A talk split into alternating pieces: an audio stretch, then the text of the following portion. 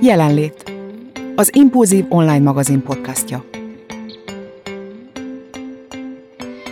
Szeretettel köszöntök mindenkit a Jelenlét Podcast adásunkban. Mai beszélgetés a test és a lélek szoros kapcsolatáról fog szólni, és köszöntöm itt a stúdióban Sziszit és Benettet. Sziasztok! Sziasztok! Sziasztok, üdvözlök mindenkit! Az ihletet pedig dr. Buda László lélekmelegítő estje fogja adni, mert azt vettem észre, hogy az est után jó pár nappal is még mindig e körül forogtak az én gondolataim is, meg a környezetem is a sugározta vissza, hogy igen, ennek nagyon nagy hatása volt ránk.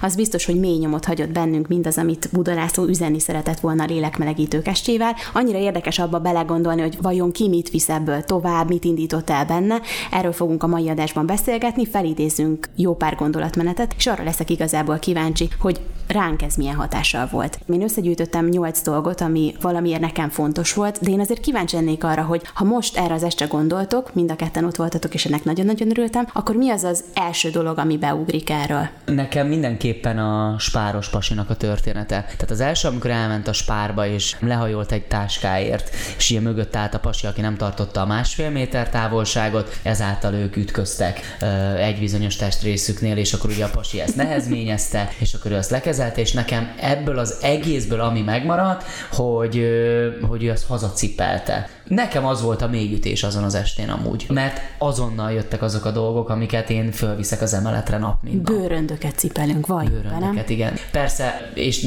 nem merem megkérdőjelezni, hogy a történet valós, viszont ha nem az, nem érdekel, mert annyira jól szemléltette, és annyira igaza van neki, hogy tulajdonképpen ott hagyta azt az embert a boltba, egy bagatel dolog miatt történt. Ugye fontos az inform, tehát azt, azt mondjuk el, hogy konfliktus volt ebből. Uh, igen, és dühös volt, mert ugye, ugye rövidre is zárta volna, de hogy a pasi, még a, a miután ő már ugye távozott a pénztártól, még a pasi utána lépett, és elhangzott az a bizonyos mondat, hogy az ilyen emberek miatt tartott az ország, ahol tart. És hogy azért ez egy, szerintem ezek a bevásárlóközpontos történetek, ezek nap mint nap megtörténnek velünk, ha csak nem rakod oda az elválasztót, és ugye ő is mondta, hogy ez a Covid időszakban volt, amikor ugye maszkot is viseltek, tehát még az is nehezítette ennek az egész helyzetnek a ugye kimenetelét, tehát hogy konfliktus lett, így van, de hogy tulajdonképpen azzal, hogy kilépett abból a boltból, és nyilván a, a pasi is elengedhetett, elmentek egymástól, ö, onnantól kezdve ö, a sztorit lezárhatta volna. Nekem ez az első gondolatom, és az egyik, egyik legmaradandóbb pillanata az estének. Én is sokszor vagyok úgy, hogy kerülök ilyen konfliktusos helyzetekbe, és ahogy ő is, abban a pillanatban így le tud fagyni az uh-huh. ember. Tehát lehet akármilyen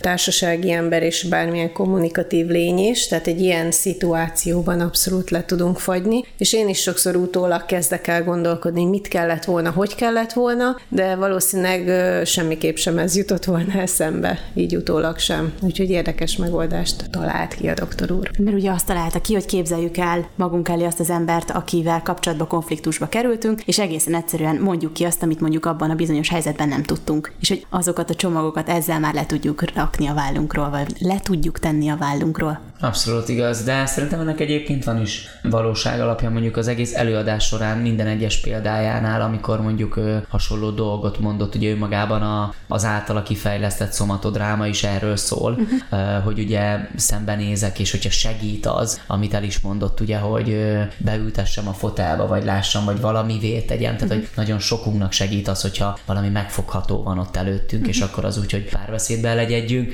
azért valljuk be őszintén, tehát maga a kimondott dolgok, hogy csak egy picit beszélgetünk a, a mi fejünkben, tehát a saját fejünkben a, a sztorik. Azért én is szoktam mondani, hogy néha azért, hogyha brazil szappanopera forgatókönyvíró lennék, akkor azért komoly milliárdokat zsebelnék be, és aztán megbeszéled valakivel, vagy, vagy be, bemozizod magadnak, hogy nem tudom, egy szóváltásból tulajdonképpen milyen következtetéseket vonsz le, vagy három nap múlva találkozol az életével beszélgettek, és rájössz, hogy három nap úgy ment el az életedből, hogy nem kellett volna, hogy elmenjen, mert ő meg ez a pontosan már nem is emlékszik, hogy mi volt, de hogyha gondolom, akkor ígyunk meg valamit. Nem tudom, hogy ez mennyire irreális vagy nem, most eszembe jutott közben, hogy nekem nem lehet, hogy ez ilyen hülyeség, amit mondok, de nincsenek konfliktusaim, az gáz. Az hogy lehet? Nem tudom, azt hiszem azt, hogy rém idegesítően utána megyek mindenkinek azonnal. Húha! Akár párkapcsolatban, akár családi dolgoknál, akár barátoknál, tehát az, hogy valahogy úgy, de nem azért, mert hogy nem mondom ki a véleményemet, hanem addig megyek, amíg ő is ki nem mondja, és hogy nem tudom esetleg megérteni. Uh-huh. Olyan van, hogy úgy válunk el azzal az illetővel, hogy nincs közös nézőpont. Tehát, hogy megbeszéltük ugyan, megyünk tovább, nem sikerült ugyanúgy gondolkodnunk a helyzetről, bármiről, de az, hogy mondjuk ilyen haraggal én, hogy úgy azt mondjam, hogy én nem írok neki soha többet, majd akar, keres. Nem tudom. Remélem a hugom nem öl meg, bocsánat, csak ezt még el kell mondanom, ide tartozik. Volt neki egy hasonló szituációja ma, mesélte ezt, hogy az feszíti, nincs valami lezárva, csak ennyit mondhatok erről. És akkor mondtam neki, hogy és miért nem keresett te? Miért nem zárod le, vagy kezdeményezed az ilyen vagy olyan fajta lezárását. És akkor mondta, hogy hát ő nem. Tehát az biztos. De mondom, mi, mitől olyan biztos? Miért nem? És akkor így aztán jött egy telefonom, el kellett intézzem, és aztán vissza akartam térni rá, és mondta, hogy hagyjuk, mert már írtam. uh, és hogy, hogy nem bírta. Tehát, hogy én, én annak a híve vagyok, hogy én nem szeretem ezt úgy vinni. És szerintem ezért is ütött egyébként szíven az, amit ő mondott, mert hogy valahogy nekem ez ilyen szívügyem, hogy ne vigyem, mert még így is annyi minden van, amit viszünk. Ehhez szeretnél hozzákapcsolni valamit? Pont a, ahogy összegyűjtötted ezt a nyolc momentumot az előadással kapcsolatban, pont az előbb mondta, mond, nem is tudom pontosan, hogy szólt a mondatot benned, de rögtön az első pont ugrott be, amire azt írtad, hogy... Ugyanazt a mozit nézzük, de más szemmel. Erre igen, gondolsz? Igen, pont erre. Uh-huh. Tehát, hogy itt nekem pont bekapcsolt ez a, ez, a, ez a szintén, amivel indított a doktor úr, hogy sokszor abból fakadnak a, a fájdalmaink, a félelmeink, a szorongásaink, a konfliktusaink és minden egyéb, hogy egyszerűen azt hisszük, hogy az a világ, amit elképzelünk, az olyan, és csak olyan lehet, ami ennek mi gondoljuk, és, és ha valaki ebbe bele piszkít, hogy úgy mondjam, akkor az már is tragédia. És nyilván már is egy konfliktusos helyzetbe kerülünk, mert a világ olyan, amilyen, Más kérdés, hogy mi hogy értelmezzük, és akkor itt jön a, hogy is mondta, hogy van az észlelés, érzékelés, és aztán majd, hogy az milyen jelentéseket hordoz a számunkra, ugye, amit a szűrőinken keresztül szépen lefuttatunk, és majd valami születik belőle, ami közel sem az lesz, mint ami a mondjuk a partnerünk, vagy a barátunk, ismerősünk, vagy akár egy ismeretlen itt vissza utalva a spáros sztorira. Csak olyan nehéz ebbe szerintem, mert tehát megint, ami minden egyes podcastnél szembe jön velem, a tudatosság, hogy ez nekem olyan furcsa, hogy ennyire tudatosan kellene élnünk nap mint nap. Tehát, hogy mindig vannak felismerések, amiket nagyon valósnak tartok, és olyan egyszerű dolog, és talán sosem mondtuk ki, pedig valahol éreztük, és valahol tudjuk, hogy ez így van, és nehéz ezekhez alkalmazkodni, ezekkel együtt élni. Jobban mondva csak úgy tudok, én legalábbis, hogyha sokkal tudatosabban élnék. De az meg valahol nekem egy kicsit olyan... Mester? Elven, igen, elvenni az élet ízét, nem tudom. De ha meg arra gondolok, hogy mennyi problémát szül ez, ez az apró dolog, hogy csak annyi, hogy mondjuk a férjem az adott szituációt teljesen másképp látja, mint én, és hogy is várhatnám el, hogy összecsengen abszolút a véleményünk. Uh-huh.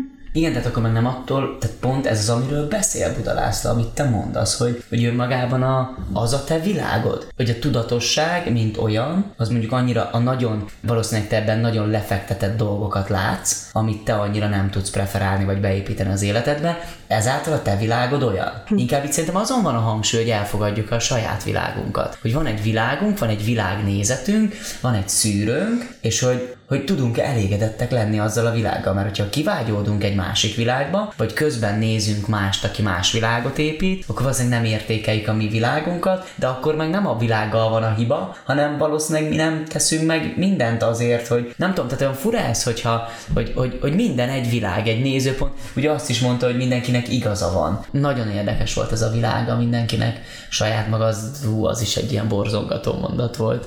Nekem az egyik ilyen borzongató pillanat az volt, amikor hát ez a gilisztás hasonlat, és azért nevezzük így, mert azóta is egyébként kaptam leveleket, meg üzeneteket az est után, és nagyon sokan erre a gilisztás hasonlatra tértek ki, és hogy én is azt éreztem, hogy persze eddig is tudtam, hogy van egy történetünk, és hogyha ebben a történetben valahol elakadtunk, és azzal nem foglalkoztunk, hanem elmentünk mellette, és éltük tovább az életünket, az attól még ott marad, és hogy valahogy azóta is ezen töprengek, hogy igen, ezek szerint ezen mind-mind dolgozni kell, tehát hogy nem fogjuk tudni ezt úgy, nem fogunk tudni úgy kiegyensúlyozottak és boldogok lenni, hogyha ezekkel így nem foglalkozunk, úgyhogy azóta bennem ez, ez olyan mély nyomot hagyott. Eddig is tudtam meg, eddig is tisztában voltam vele, hogy ezzel kell foglalkozni, de most, ahogy ilyen szemléletesen el, idézőjelbe eljátszotta a doktor úr, hogy, hogy van egy giliszta, hogyha valaki ugye nem lát az előadást, azért ezt szeretném elmondani, ugye egy gilisztaként képzeljük el a saját kis életünket, és akkor ebbe vannak olyan szegmensek, ahol mondjuk ért minket trauma, vagy bármi olyan, ami mély nyomot hagyott bennünk, és hogyha ezzel nem foglalkozunk, akkor a jelen pillanatban nem tudunk jól lenni, nem tudjuk jól érezni magunkat. És milyen sokszor halljuk azt, hogy nem vagyok jól, de mi a baj? Hm, igazából semmi. Ugye? Igen, ez elhangzott tőle is, hogy minden rendben van, de mégsem. Igen, igen. És sokszor érzi is az, ezt az ember így magán, hogy ugye a környezeted azt mondja, hogy de hát mi bajod van, és néha én is belegondolok, amikor adott pillanatban kicsit magam alatt vagyok valami kapcsán, hogy úgy belegondolok, hogy de most mi bajod van, Sziszi? Van egy szép kis életed, van fedél a fejed fölött, ez egy olyan alap dolog, nem éhezel. Van egy fantasztikus férjed, egy csodálatos kisfiad, a szüleid még élnek, a korukhoz képest jó egészség segítségnek örvendenek, van egy fantasztikus nővérkét, keresztlányod, unokaöcsét, tehát hogy elvileg kerek az életem, és néha mégis úgy érzem, hogy, hogy nem tudok benne kiteljesedni, és nem tudok annyira ott a helyemen lenni, és engem is megfogott ez a gilisztás dolog. Ugye most épp ezen gondolkodtam, hogy lehet, hogy egy kicsit ilyen életközepi válságba kezdek így belekeveredni mostanság, mert egyre több ször érzem ezt, pont ezt, hogy igazából nincs bajom, mi bajom van, nincs bajom, és mégis van bajom, sőt, hogy ugye mit üzen a tested, elkezdtem most olvasni Budalászlónak ezt a könyvét, mert testi tüneteket is észlelek magamon mostanában, de igazából eddig, hála Istennek, semmiféle orvosi magyarázatot nem találtak a gondjaimra, bizonyos esetekben persze, de hogy mégis ott vannak, és ez a gilisztás hasonlat annyira belém fájt, vagy hogy is mondjam, tehát hogy valószínűleg nekem is vissza kéne kicsit sétálnom az életembe, valamelyik pontra, valamelyik olyan részre, ahol történt valamikor valami, amit én akkor lehet, hogy talán észre sem vettem, vagy fel se tűnt, vagy ha feltűnt, akkor szépen szőnyeg alá, alá lett söpörve, de most ez valamiért előhívódott bennem, nem tudom, tehát nagyon-nagyon-nagyon sokat gondolkodom mostanában ezen, hogy vajon hol lehetett nekem elakadásom, ami ami most idáig vezetett, hogy néha bizony rám törnek ilyen gondolatok. Én meg azt vettem észre, hogy van pár dolog, amit tudok, hogy hol van elakadás, és pont ezért gondolom, egy kicsit ilyen letargikus állapotba kerültem úgy az elmúlt pár napban, mert hogy tudom, hogy hol van, és tudom, hogy most van itt az ideje, hogy ezen dolgoznom kell. Egyébként ez az állapot is szörnyű, azért bevallom, hogy tudod, hogy hol a hiba, és tudod, hogy ezt vagy megoldod, vagy örökké itt fog kísérteni, és kísérni az utadon, és egy, egyébként megkeseríti az életedet. De az is rossz, ugye, az én esetem, Hogyha meg nem tudod. a bizonytalanság, vagy a tudatlanság, de érzed, hogy van ott valamit, de vajon mi? Uh-huh. És vajon megtalálom, vagy ha nem, ki az, aki nekem ebbe segít? Úgyhogy ezek nagyon mély dolgok olyan, mint a kódolva lenne belénk az, hogy elégtelenek vagyunk. És én úgy gondolom, és még nagyon fiatal vagyok, de valami azt is táplálja bennünk ezt a fajta érzést, hogy túl sok inger ér bennünket, amit igenis ma már tudatosság nélkül nem tudsz megszűrni mert nem tudod a polcra bepakolni. Tehát annyi helyről kapsz ingert, elvárást, másnak az életét, ha csak látod. Tehát olyan sokrétű ez a dolog, hogy tudom-e én értékelni az én saját életemet. Mindig ezt szoktam én mondani, ugyanez, amit mondasz, hogy, hogy megvan mindened, hogy kellő energiád van, hogy tegyél, hogy, hogy, hogy, hogy legyél, hogy egyél, csináld a dolgodat, és hogy, hogy vannak pillanatok, és elkapnak bennünket olyan érzések, hogy tulajdonképpen a helyemen vagyok-e, vagy egyáltalán ki vagyok én, vagy ez hogy van, és, és ez ehhez viszont a tudatossághoz visszakapcsolva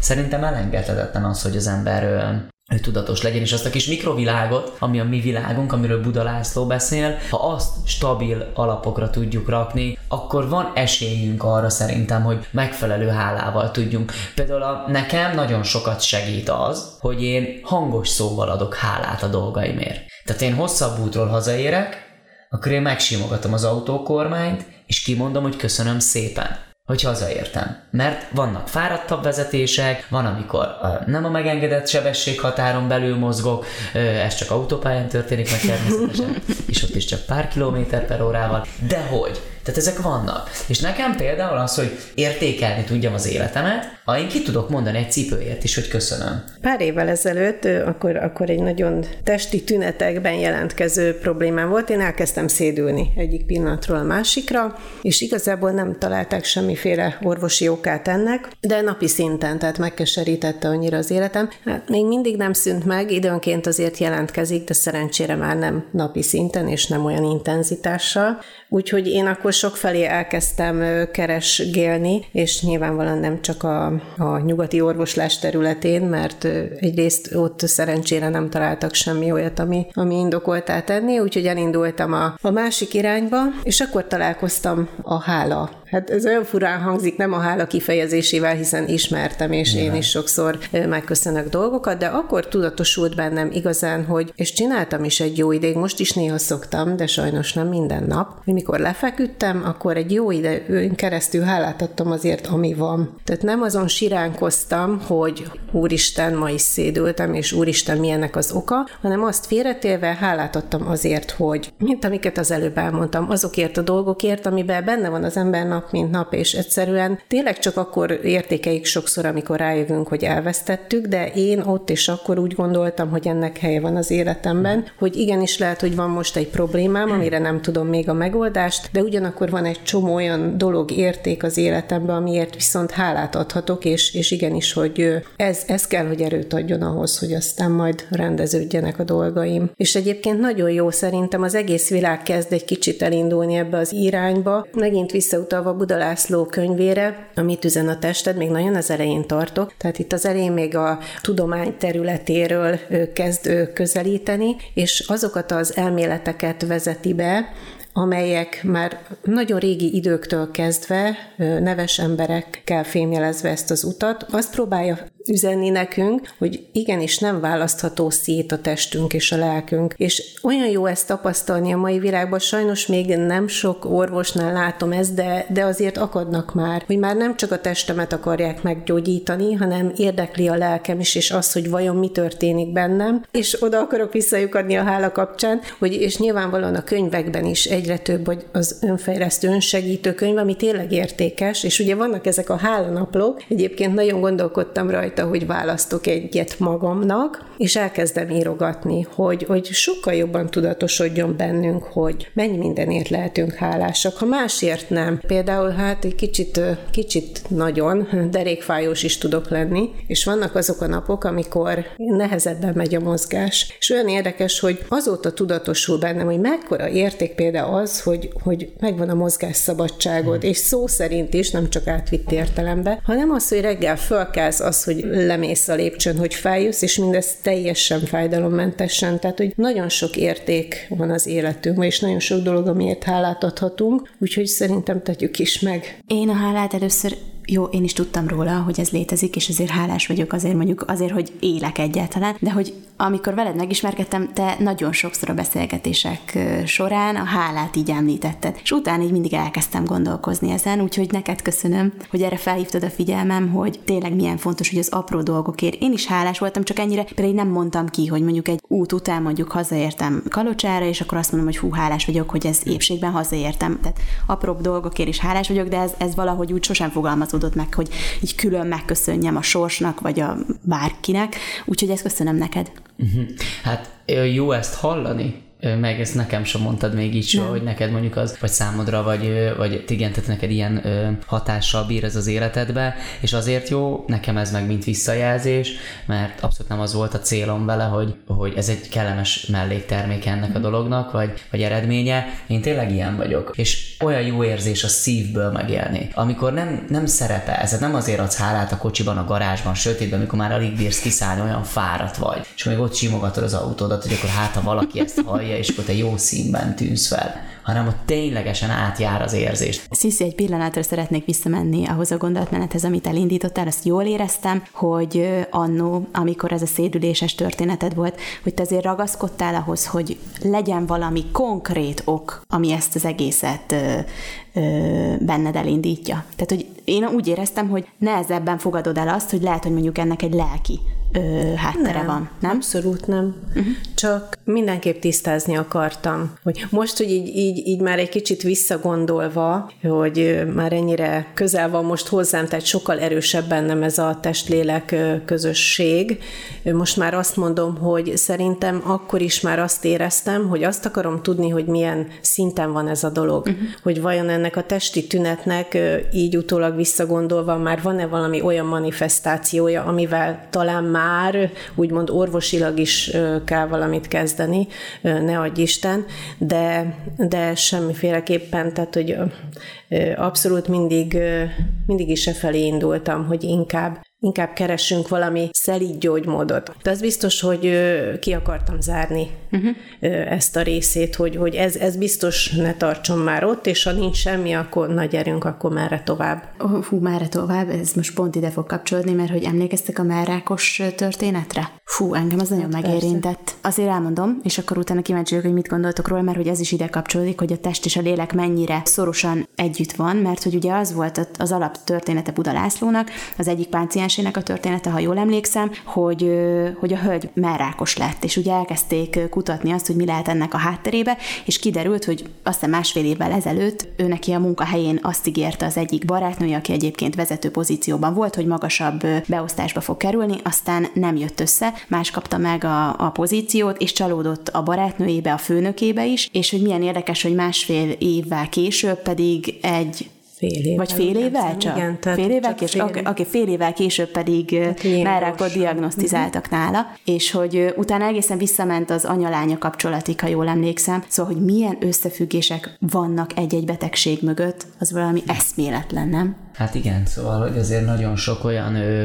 történet van, és hogyha az ember mondjuk akár elolvassa ezeket a könyveket, vagy elolvassa ezt a könyvet, ami még igazán ö, nem kerül ö, nagy erőbefeszítésbe, vagy ö, erőbefektetésbe, akkor már valamiféle tudatosság azért kerül ezzel kapcsolatosan, és teljesen másképp nézel egy-egy sztorira. Nekem egyébként ö, saját történetem is van ezzel kapcsolatban, tehát én saját magamon megtapasztaltam azt, amikor lelki okoknak testi tünetei vannak. Mondd ezt légy szíves egy példát nekünk. Mondok egy példát, mert hogy azért olyan sok nem volt, úgyhogy egy példát mindenképpen tudok. Én egy párkapcsolatból való kilépés előtt, tehát amikor már mindketten tudtuk, hogy nem fogunk működni majd hosszú távon együtt, a felismerés az megvolt, azt gondolom, hogy szépen lassan tudatosítottuk is magunkban, viszont nem tettünk tettünk lépéseket, és itt jön a, a lényeg, hogy nekem tértől lefelé fájtak a lábaim, és mm. számtalan dolgot kaptam információként, tehát voltam, uh, hiponder vagyok egy nagyon picit, nagyon. Csak egy és picit. a webbeteget megnyitottam, és természetesen számtalan tünet jött, meg, meg volt, és én elmentem ortopédushoz, viszérvizsgálatra, és hogy mindenki megnyitott, hogy semmi, tehát nem tudtak mondani semmit, tehát nem volt semmi bajom, és akkor hát jó, hát rendben van, de ezek komoly problémát okoztak, főleg esténként egyébként mindig, tehát nem tudtam egy helyben lenni, mert hogy valamiért ilyen fájt a lábam, és akkor végül is elérkeztünk ahhoz a ponthoz, hogy akkor véget ért a párkapcsolat, és aztán már egyedül éltem egy, szerintem egy másfél hét telt el talán. És arra lettem figyelmes, és soha nem fogom elfelejteni, fogdostam a lábamat konkrétan, hogy tényleg nem fáj-e, hogy olvastam este, és nyugalmi helyzetben volt a lábam. Tehát nem kellett mozgassam, azelőtt meg kellett így mozgassam, vagy fogdossam egy picit, nyomkodnom, hogy úgy könnyebb legyen, és nem fájt. És akkor nekem egyébként a kineziológusom segített abban, a, még, a, még a szakítás előtt, mikor hozzá is elmentem, hogy akkor most mi van, és ő mondta azt, hogy nem tudsz döntést hozni, nem tudsz lépést tenni. Tehát meg kell tenned egy lépést, amitől félsz, tudod, hogy meg kell tenned a lépést, te nem ö, teszed meg. Semmi más bajod nem volt utána. Lekopogom, és azóta se semmi, és soha. Talán nekem ott volt a, az egyik ilyen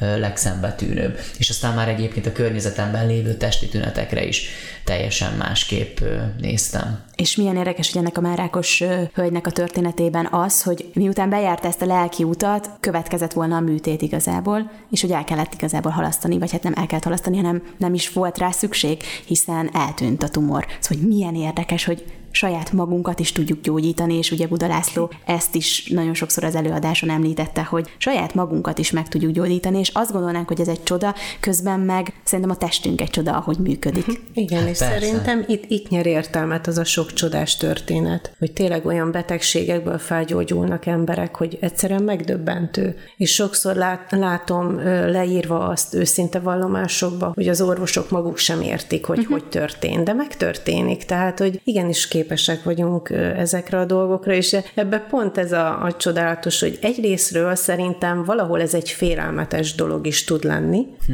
mert ez ugye oda-vissza működik, tehát ahogy meg tudjuk teremteni sajnos a betegségünket, ez, ez maga a félelmetes része számomra. De ugyanakkor ott a csoda is benne, hogy akár meg is tudjuk magunkat gyógyítani. És ezt olyan fura így kimondani, és most biztos nagyon sokan fogják a fejüket, és elkapcsolnak a podcastről, de szerintem biztos, hogy, hogy nem véletlen. Tehát olyan, mint a bennünk lennének a betegségek. Kérdés az, hogy mivel foglalkozol, vagy, vagy mire fektetsz. Igen, hogy mire mibe, Az erősödik, igen, igen, amire fókuszálsz. Pontosan, hogy mibe fektetsz bele energiát. Tehát olyan, mint hogyha a testünk tulajdonképpen tulajdonképpen egy vége láthatatlan önmaga a világ lenne, hogy benne van minden lehetőség Igen. tulajdonképpen, és akkor hogy a kérdés az, hogy akkor most ö, egy ilyen negatív spirál elindul, ami valljuk be pokoli, és nagyon nehéz kiszállni. De ez, ez olyan érdekes, még ha valamennyire meg is tapasztalja az ember. Egyébként egyszer én is valamilyen szinten, nem ilyen erősen, mint te, sajnos nem ilyen erősen, de megtapasztaltam egy kicsit ennek,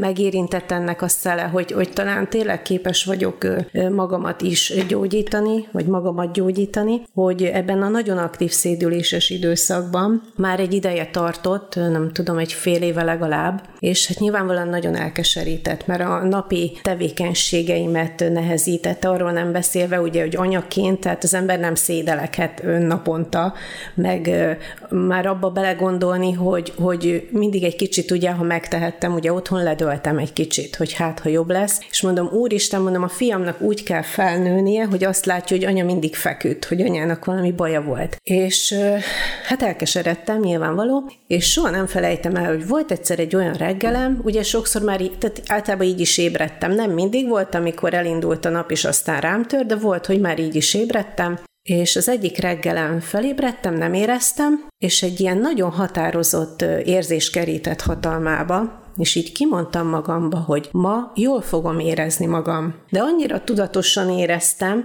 és aztán nem is foglalkoztam ezzel, és aznap nem szédültem. És olyan érdekes, hogy ezt utána, utána már nehezen csináltam meg, és, és hogy úgy mondjam, nem is sikerült többször, mert valahogy így bennem volt az elvárás, vagy a félelem, hogy mi van legközelebb, nem jön be ez a dolog, és akkor mégse tudok magamon segíteni, szóval nem tudom, de akkor és ott egy olyan, olyan érzés kerített hatalmába, hogy, hogy azt mondtam, hogy ma nem fogok szédülni, ma igenis jól érzem magam és, és sikerült.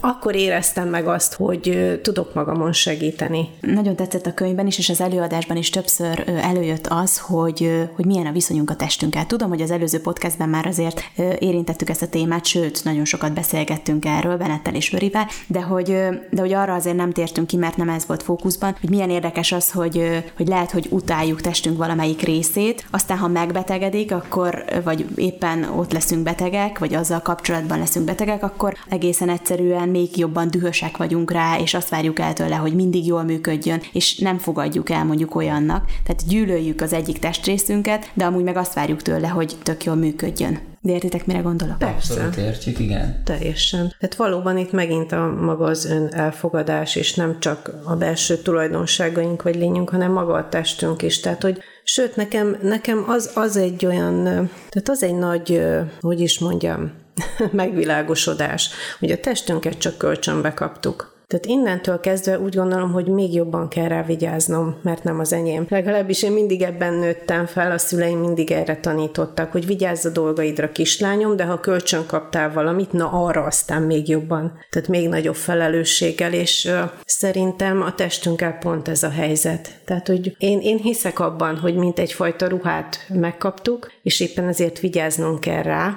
de egyszer majd vissza kell adnunk, és nem mindegy, hogy hogy adjuk vissza, arról nem beszélve, hogyha nem vigyázunk rá, akkor mi sem fogjuk jól érezni magunkat, hogyha sérül ez a gúnya rajtunk. Meg annyira összetett ez a dolog, tehát a testünkhöz való hozzáállás, alapjaival meghatározza az élethez, az embertársainkhoz, a, a munkánkhoz való hozzáállásunkat. Tehát ez a tipikus, hogy ne csak vegyél el tőle, hanem adj is neki. Hogy alapvetően, aki saját magával nem tud így bánni. Nem teljes mértékben vagyok ebben hiteles ezt azért hozzáteszem. Elméletben ezt sokkal jobban tudom. Gyakorlatban egyre többet adok a testemnek, azt gondolom. Úgy tényleg, és ez jól látható a fejlődés. És nem csak azért, mert jobban is igényli, de például nagyon kizsigereltem a alvásban is. Tehát én nagyon-nagyon olyan voltam, hogy, hogy minimálisat éppen a túlélésre mentem sokszor. Ma már megadom magamnak az alvást, ma már megadom magamnak azt a egy héten egy estét, amikor rólam szól a dolog, amikor nincs telefon, nincs semmi más, kell, hogy legyen, és hát ugye utána tapasztalja az ember ennek az áldásos részét, hogy tényleg ugye egy jó alvás, vagy egyszerűen egy, egy gondoskodó, egy nem tudom én, egy masszázs, egy olyan fürdősó, amit kipróbálsz, és csak ülsz benne a vízbe egy picit, és csak vagy egyszerűen, az azért nagyon sok mindenre kihatással van. Nem beszélve arról, hogy utána ahogyan nézel a, a testedre. Fú, azért így beszélgetni is róla, milyen ijesztő az, hogy úgy beszélgetünk a testünkről, mint valami kívülálló dologról, de közben meg úgymond ez határoz meg minket, tehát ezek vagyunk mi, a testünk, és akkor Buda László jön itt azzal, hogy ebben a testben létezik a világunk. Igen. És hogy, hogy én szoktam mondani azt, amikor mondjuk állapotos lesz egy hölgy. Hát az élet egyik legnagyobb csodája szerintem az, amikor egyik testből a, ö, fejlődik, vagy az egyik testben fejlődik ki egy másik, és mindenféle túlzás nélkül szerintem mi férfi adja lesz föl se tudjuk fogni, hogy milyen lehet valakiben ott, hogy benne van, és hogy az, amikor nem jön össze mondjuk gyermek huzamosabb ideig, és semmilyen úton, módon, hogy akkor hányszor van az, hogy, hogy ilyen, mint kiderül később, ilyen belső gát gátak okozták ezt, lelki gátak, hogy igazán nem akarta, vagy maga a félelme a szüléstől. Olvastam ilyen történetet. Semmi szervi baja nem volt a hölgynek. Tudat alatt, amit ő nem akart bevallani, mert nyilván cikinek tartotta, hogy fél a szüléstől, de ez meggátolta abban azt a valakit, aki belé költözött volna, hogy oda menjen, hiszen ki akar, alapvetően nem keressük a bajt magunknak, és nem megyünk egy olyan helyre, ahol, ahol nem szívesen fogadnak, vagy feszültség van, vagy harc van, vagy, vagy rossz idő van, vagy nem tudom, egy villámlik, dörög, nem megyek oda. Nem tudom, én ebben például totálisan hiszek, hogy ennek is biztos van egy ilyen fajta lelki folyamata. Sziszi, ez pedig háromunk közül te úgy tudod, tudod is. Igen, mert hogy benned már fejlődött ki valaki. Tehát, hogy maga az az érzés, hogy, hogy készültél például, tehát amikor azt mondja az ember, hogy gyermekáldást elé néz, és akkor, hogy készül úgy lelkileg, hogy akkor úgy tényleg igaz az, hogy akkor elhagyok ezt, azt, azt, hogy akkor a testemet Nálam nem. Nálam abszolút nem volt tudatos. Ö- Nálunk Benedek a nászúton fogant egész, egyszerűen. Persze megbeszéltük, hogy összeházasodunk majd, akkor akár most már bármikor jöhet majd a baba, de abszolút nem tartottunk még ott. Tehát még, még úgymond együtt akartunk egy kicsit lenni, csak mi ketten, úgyhogy Közben ez teljesen... tartottatok. Ezek szerint igen, úgyhogy úgyhogy nálunk ez nagyon spontán jött, és ugye egy, egy gyermekünk van, és úgy tűnik, hogy nem is lesz több. Én mindig is szerettem volna, meg persze a párom is, ez, a, ez az én mindig, ez nem azt jelenti, hogy ő nem, de én mindig úgy éreztem, hogy főleg Benedek után, hogyha még egy gyermekünknek kell lenni, akkor, akkor lesz. Akkor lesz. És én tudatosan sosem készültem rá, de aztán mégsem jött. Azon is gondolkodtam, hogy van-e ennek bármilyen lelki gátja mégis bennem. Ugye itt ez a szédüléses időszak kapcsán is, tehát akkor, akkor erős félelmem volt, hogy, hogy talán nem biztos, hogy jó ötlet így gyermeket vállalni, hogy igazából nem tudom, mi bajom, vagy, vagy hogy is legyen. Ami nagyon érdekes, mert az egésznek a végén az is megfogalmazódott bennem, meg én is jártam kineziológusnál is, hogy ez a szédülés ugye egyfajta bizonytalanság is manifestálódhatott így, ugye az ember, amikor ide-oda kapkodja a fejét, és akkor hogy is legyen ezt, vagy inkább ezt, vagy így, vagy úgy, vagy hogy, hm. és ez is ugye, úgyhogy én, én, én nem tudom, hogy melyik volt előbb a tyúk vagy a tojás ebben az esetben, hogy azért nem alakult úgy, hogy másik gyermekünk legyen, mert, mert volt egy probléma, ami visszatartott, vagy alapból volt egy bizonytalanság bennem, és ezért nem tudom, tehát hogy, hogy itt is azt éreztem, hogy ezek valahogy össze függenek erősen ezek a dolgok. Lényeg a lényeg, hogy nem, nem készültem tudatosan az anyasságra, egyszerűen áldásként érkezett az életünkbe, szó szerint. Amire szeretnék még visszatérni, az az elengedés. Mert hogy erről is nagyon sok szó esett, és kíváncsi vagyok arra, hogy ti egyébként mennyire ragaszkodtok. Most először nem személyekre gondolok, hanem tárgyakhoz. Mert hogy Budalászló is egy olyan példát hozott, ami egy tárgyhoz fűződött, a bringáját ellopták. És biztos, hogy nektek is volt már olyan, hogy egy olyan tárgyat veszítettetek el, vagy akár loptak el, amihez nagyon ragaszkodtatok. A kérdés az, hogy könnyen el tudtok ilyeneket engedni, vagy nagyon nehezen tudjátok elfogadni, hogy valami volt, és már nincs. Most így hirtelen fel sem tudok magamban idézni. Én úgy általában ö, ö, abban nőttem fel, hogy vigyáztam a dolgaimra, tehát hogy ez nálunk otthon mindig szabály volt, hogy vigyázz a dolgaidra, úgyhogy biztos, hogy van bennem egy ilyen, most nem igazán tudok ilyet felidézni, de az biztos, hogy olyan már sokszor volt, hogy valami azt hittem, hogy eltűnt, mert nem találtam, és, és, és elöntött a pánik, és, és az a rossz érzés, hogy de én ehhez ragaszkodom. Vó, most beugrott valami, hogy ez ugyan nem az elvesztés, de annak egy bizonyos foka. Tehát például ilyen, hogy a kedvenc bögre eltörése. Tehát, hogy meg tud az ilyen viselni, és azóta is őrzöm azt a kis bögrét, mert úgy érzem, hogy hozzám tartozik, és, és szegényt, ha bár nem tudom a funkciója szerint használni, de mégsem volt szívem kidobni. Úgyhogy, hát igen, igen, ezek szerint van bennem némi ragaszkodás a dolgokhoz, és, de az biztos, hogy az az, az első pillanat, amikor rádöbbensz, hogy Buda is mondta, hogy lement, hogy, hogy akkor indul kerékpárral, és, és a, ott a kerékpár mindig ott szokott lenni lenni odakötve, és nem volt. És az az első pillanat, amikor rájössz, hogy, hogy ami megvolt eddig, az nincs, az, az valami pusztító érzés tud lenni. Úgyhogy nem tudom, legutóbb, bár ez, ez, ez csak hasonlít az elvesztéshez, csak így az érzés kapcsán ugrott most be, hogy nem néhány héttel ezelőtt mentem le a kocsihoz, és a parkolóban, ugye ott az út mentén van egy-két ilyen rácsos lefolyó, és nem tudom, tele volt a kezem, pakoláztam persze a kocsi kulcs a kezembe, és egyszer csak így hups, így a kocsi kulcs így ki a kezemből, szinte egy repült, onnantól kezdve, mint egy lassított felvétel, hogy föl a kulcs, aztán le, követem a szememmel, mondom, úristen, ott van a lefolyó, mondom, csak belene essen, és csak nézem, hogy pattan, és mellette megpattan, és pont két rács között így belezúgott a, a lefolyóba. És ilyen teljes ilyen pánikérzés vett rajtam erőt, nem is tudom miért, úgyhogy rohantam föl, a férjem ö, otthon volt, még el is sírtam magam, mint egy kisgyerek, ugye, hogy én most rosszat tettem, elhagytam a kocsi kulcsot, és úristen, most mi lesz velünk, és na ilyenkor is tudom, hogy tökéletes párt választottam magamnak. Egyrészt nem lett ideges, pedig hát ugye egy ilyen téma valljuk be férfi-nő között, hogy a kocsival valami van, azért ez mindig igencsak alapkonfliktust tud okozni. Higgadtam, fölállt, megmosoly, ja nem, várjunk, nem, először még nem mosolygott, azért, azért láttam a feszültséget az arcán, de nem, nem szidott le, hanem ő mondta, hogy akkor hova esett be?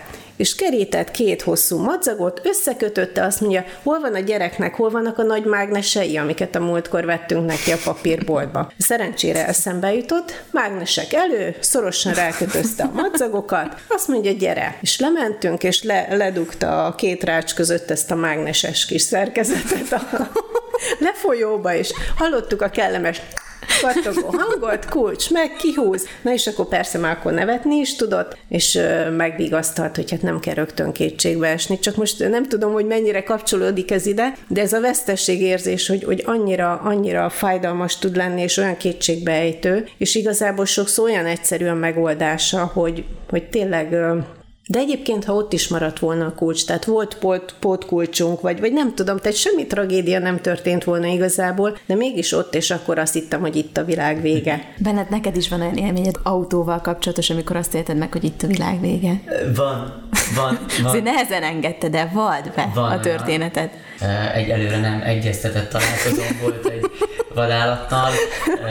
Egy bambival. Egy bambival, viszont azt azért el kell mondanom, hogy ha már itt tartunk, hogy rengeteget változtam és fejlődtem az elmúlt években. Ennél sokkal drasztikusabb dolgokat is képes voltam megtenni egy-egy ilyen vesz. Én nagyon ragaszkodó voltam, de képzeljétek el, hogy csak bizonyos tárgyakhoz. Például számomra megmosolyogtató, hogy a bögréhez ragaszkodunk. nem érdekel, miben iszok teát. Semmit, nincs kedvenc bögrém, nincs kedvenc ezeket nem. Megmosolyogtatod, szeretettel teli megmosolyogtatod, nem kinevetem, mert pontosan tudom, hogy van ilyen, és ugyanolyan vicces az az enyém, hogy nálam például az autó, hogy ma már a családtagjaim, hogyha ezt hallják, akkor utólag is bocsánat, ma már úgy ülhetnek be az autómba, és te is Sziszi úgy ülhettél be, hogy nincs nejlonozó az ülés, meg újságpapír rakva a lábrészhez. Az elképzelhetetlen volt számomra, hogy az autón porszem legyen. Tehát ma már használom a kocsimat. Tehát régen azért béreltem neki garást, hogy ne essen rá az eső, és biciklivel jártam. És akkor itt jön az, hogy vajon megéled a, a dolgokat, utána úgy alakult az életem, hogy el kellett adjam az autót. Évekig gyűjtöttem rá, és költöttem el rá pénzemet. Nulla, azaz nulla felemelő élményem van vele, mert amikor használtam, szorongtam, hogy baja lesz, meg poros lesz. Amikor nem használtam, hogy akkor értelemszerűen a garázsba volt, aztán az élet úgy hozta, hogy el kellett adjam. Magyarul, hogyha végig gondolom azt a gilisztánnak azt a részét, akkor gyűjtöttem, akkor azért szorongtam, hogy összegyűjjön az a pénz. Aztán megvettem, akkor azért szorongtam, hogy miután elköltöttem az összes pénzemet, fönn tudjak maradni és élni tudjak. Utána azért szorongtam, hogy találjak szabad garást a lakáshoz közel, hogy ne legyen baja a kocsinak. Aztán szorongtam azért, hogy el kellett adjam az autómat, de nem emlékszem rá, mert nem használtam. Na ilyen nincs ma már. Tehát ami van, azt használom, úgy nem ragaszkodom a, a tárgyakhoz. Vannak olyan dolgok, amiket szeretek, ruhákat. Mondtad, hogy ugye vigyázni kellett kiskorunk korotokban, gyermekkorotokban erre. Nálunk nem volt sok ruha, tehát hogy a egymásét hordtuk igazából, ami volt, egy ünneplős ruha volt. Így hívtuk, hogy ünneplős ruha. És nekem, képzeljétek el, a mai napig kifordítva teregetem a ruhákat és kifordítva vannak a szekrénybe, hogy nehogy baja legyen. Mert ezt mi otthonról hoztuk ott, mert hogyha ott rácsöppent valami, akkor még föl tudtad venni esetleg, ha nem ütött át rajta az, ami esetleg ráment, de hogy mennyire érdekes ez, hogyha hozott dolgokról beszélünk, hogy hova datálódik ez vissza. Hogy én azóta is, még kiteregetve is, és aki lát kiteregetve nálam ruhát, az mindig megkérdezi hogy hogy, hogy ez kiter, kifordítva vannak, és mondtam, hogy mert vigyázok rá. Tehát, hogy vigyázok rá, és a szekrényben is úgy vagyok nyugodt, hogyha az ki van teregetve. Vagy a lagzis ruháimon rajta van a nylon. Tehát vigyázni vigyázok rá, becsülöm, de ma már nem ragaszkodom ruhadarabokhoz sem. Na de hogy éled meg azt, hogy mondjuk a kimosott, ö, csodálatosan fehér inged rózsaszín lett? Ö, abban a pillanatban rosszul, ö, de ez egy másodperc most már nem is sajnálom, már elfelejtettem, értem, te tudom, hogy mire gondolsz, megtörtént esetről beszél a Panna, meséltem. Vagy baj, neki. hogy felhoztam? Egyetlen nem baj, ne viccelj, mert hát erről szól uh-huh. ez egy idevágó történet, uh-huh. hogy, hogy, hogy rózsaszín lett az ingem a, a tisztítóban, tehát hogy valami történt. Tehát akkor abban a pillanatban, hogy volt, hogy úristen, tök jó, még jó, hogy van másik ingem, jó, mindegy, akkor ez így járt, de hogy túlmész azért rajta. Tehát ma már úgy nem vagy, ha elszakad egy cipő, ami kedvenc volt, le kell cserélni, szóval, hogy úgy, úgy nem. És az ilyen ilyen lakásban való tárgyak, az meg aztán végképp semmihez. Tehát ezért elég minimális, a, vagy minimál is, tehát minimál stílusú is a lakásom. Tehát minimális az a dolog, ami benne van a lakásban. Szép legyen, tiszta legyen, ami van, az van, de, de egyáltalán nem. És ez viszont nagyon jó. És a podcast végén szerintem térjünk vissza a kedvenc ö, szimbolikus gilisztánkhoz. Arra szeretnék ezzel kapcsolatban visszatérni, hogy el kell fogadnunk, hogy van dolgunk saját magunkkal, de hogy időt is kell hagynunk arra, hogy elengedjünk dolgokat, és ugye itt volt Budalászlónak egy csodálatos történet, ami megtörtént eset volt, hogy a lányával kimentek a Dunapartra, mm. és kitalált azt hiszem az egyik kislánya, hogy egy kavicsot dobjanak, és ez szimbolizálja azt, hogy elengednek az életükből valamit, ami, amit el kell, hogy engedjenek, és Budalászló egy jó nagy fát, fadarabot talált, és azt dobta el, és hát nagyon-nagyon lassan ment le a Dunán, és a kislánya megnyugtatta, hogy nem baj, idő kell hozzá, hagy neki időt, a minél nagyobb gondot dolgot kell elengednünk, annál több időt kell hagynunk, hogy az úgy tényleg kimenjen az életünkből. Ezzel szerettem volna igazából zárni az adást. Igen, és ez volt a legcsodálatosabb ebben a történetben, hogy a kislányban Igen. fogalmazódott meg ez a felismerés, nem ugye a tapasztalt és sokat látott édesapában, hogy, hogy igen, a kis könnyű kis botocska az könnyebben tovasiklik, még a nagy fadarabbal, viszont kísérjük egy ideig még az útján, amíg eltűnik a szemünk elől. Tényleg az egy nagyon csodálatos példa volt egyébként, hogy ő is hogy meghatódott ezen. Maga a gyermeki kíváncsiság, a lélek, az azt gondolom, hogyha egy nagyon picit meg tudunk belőle hagyni felnőtt korunkba, az valami csodálatos dolgokhoz ö, vezet el bennünket, mert tényleg ők tisztán, megfelelés nélkül ö, látják ezeket a dolgokat, és nagyon-nagyon-nagyon fontos hogy elengedjük azokat a dolgokat, amikre nincsen szükségünk.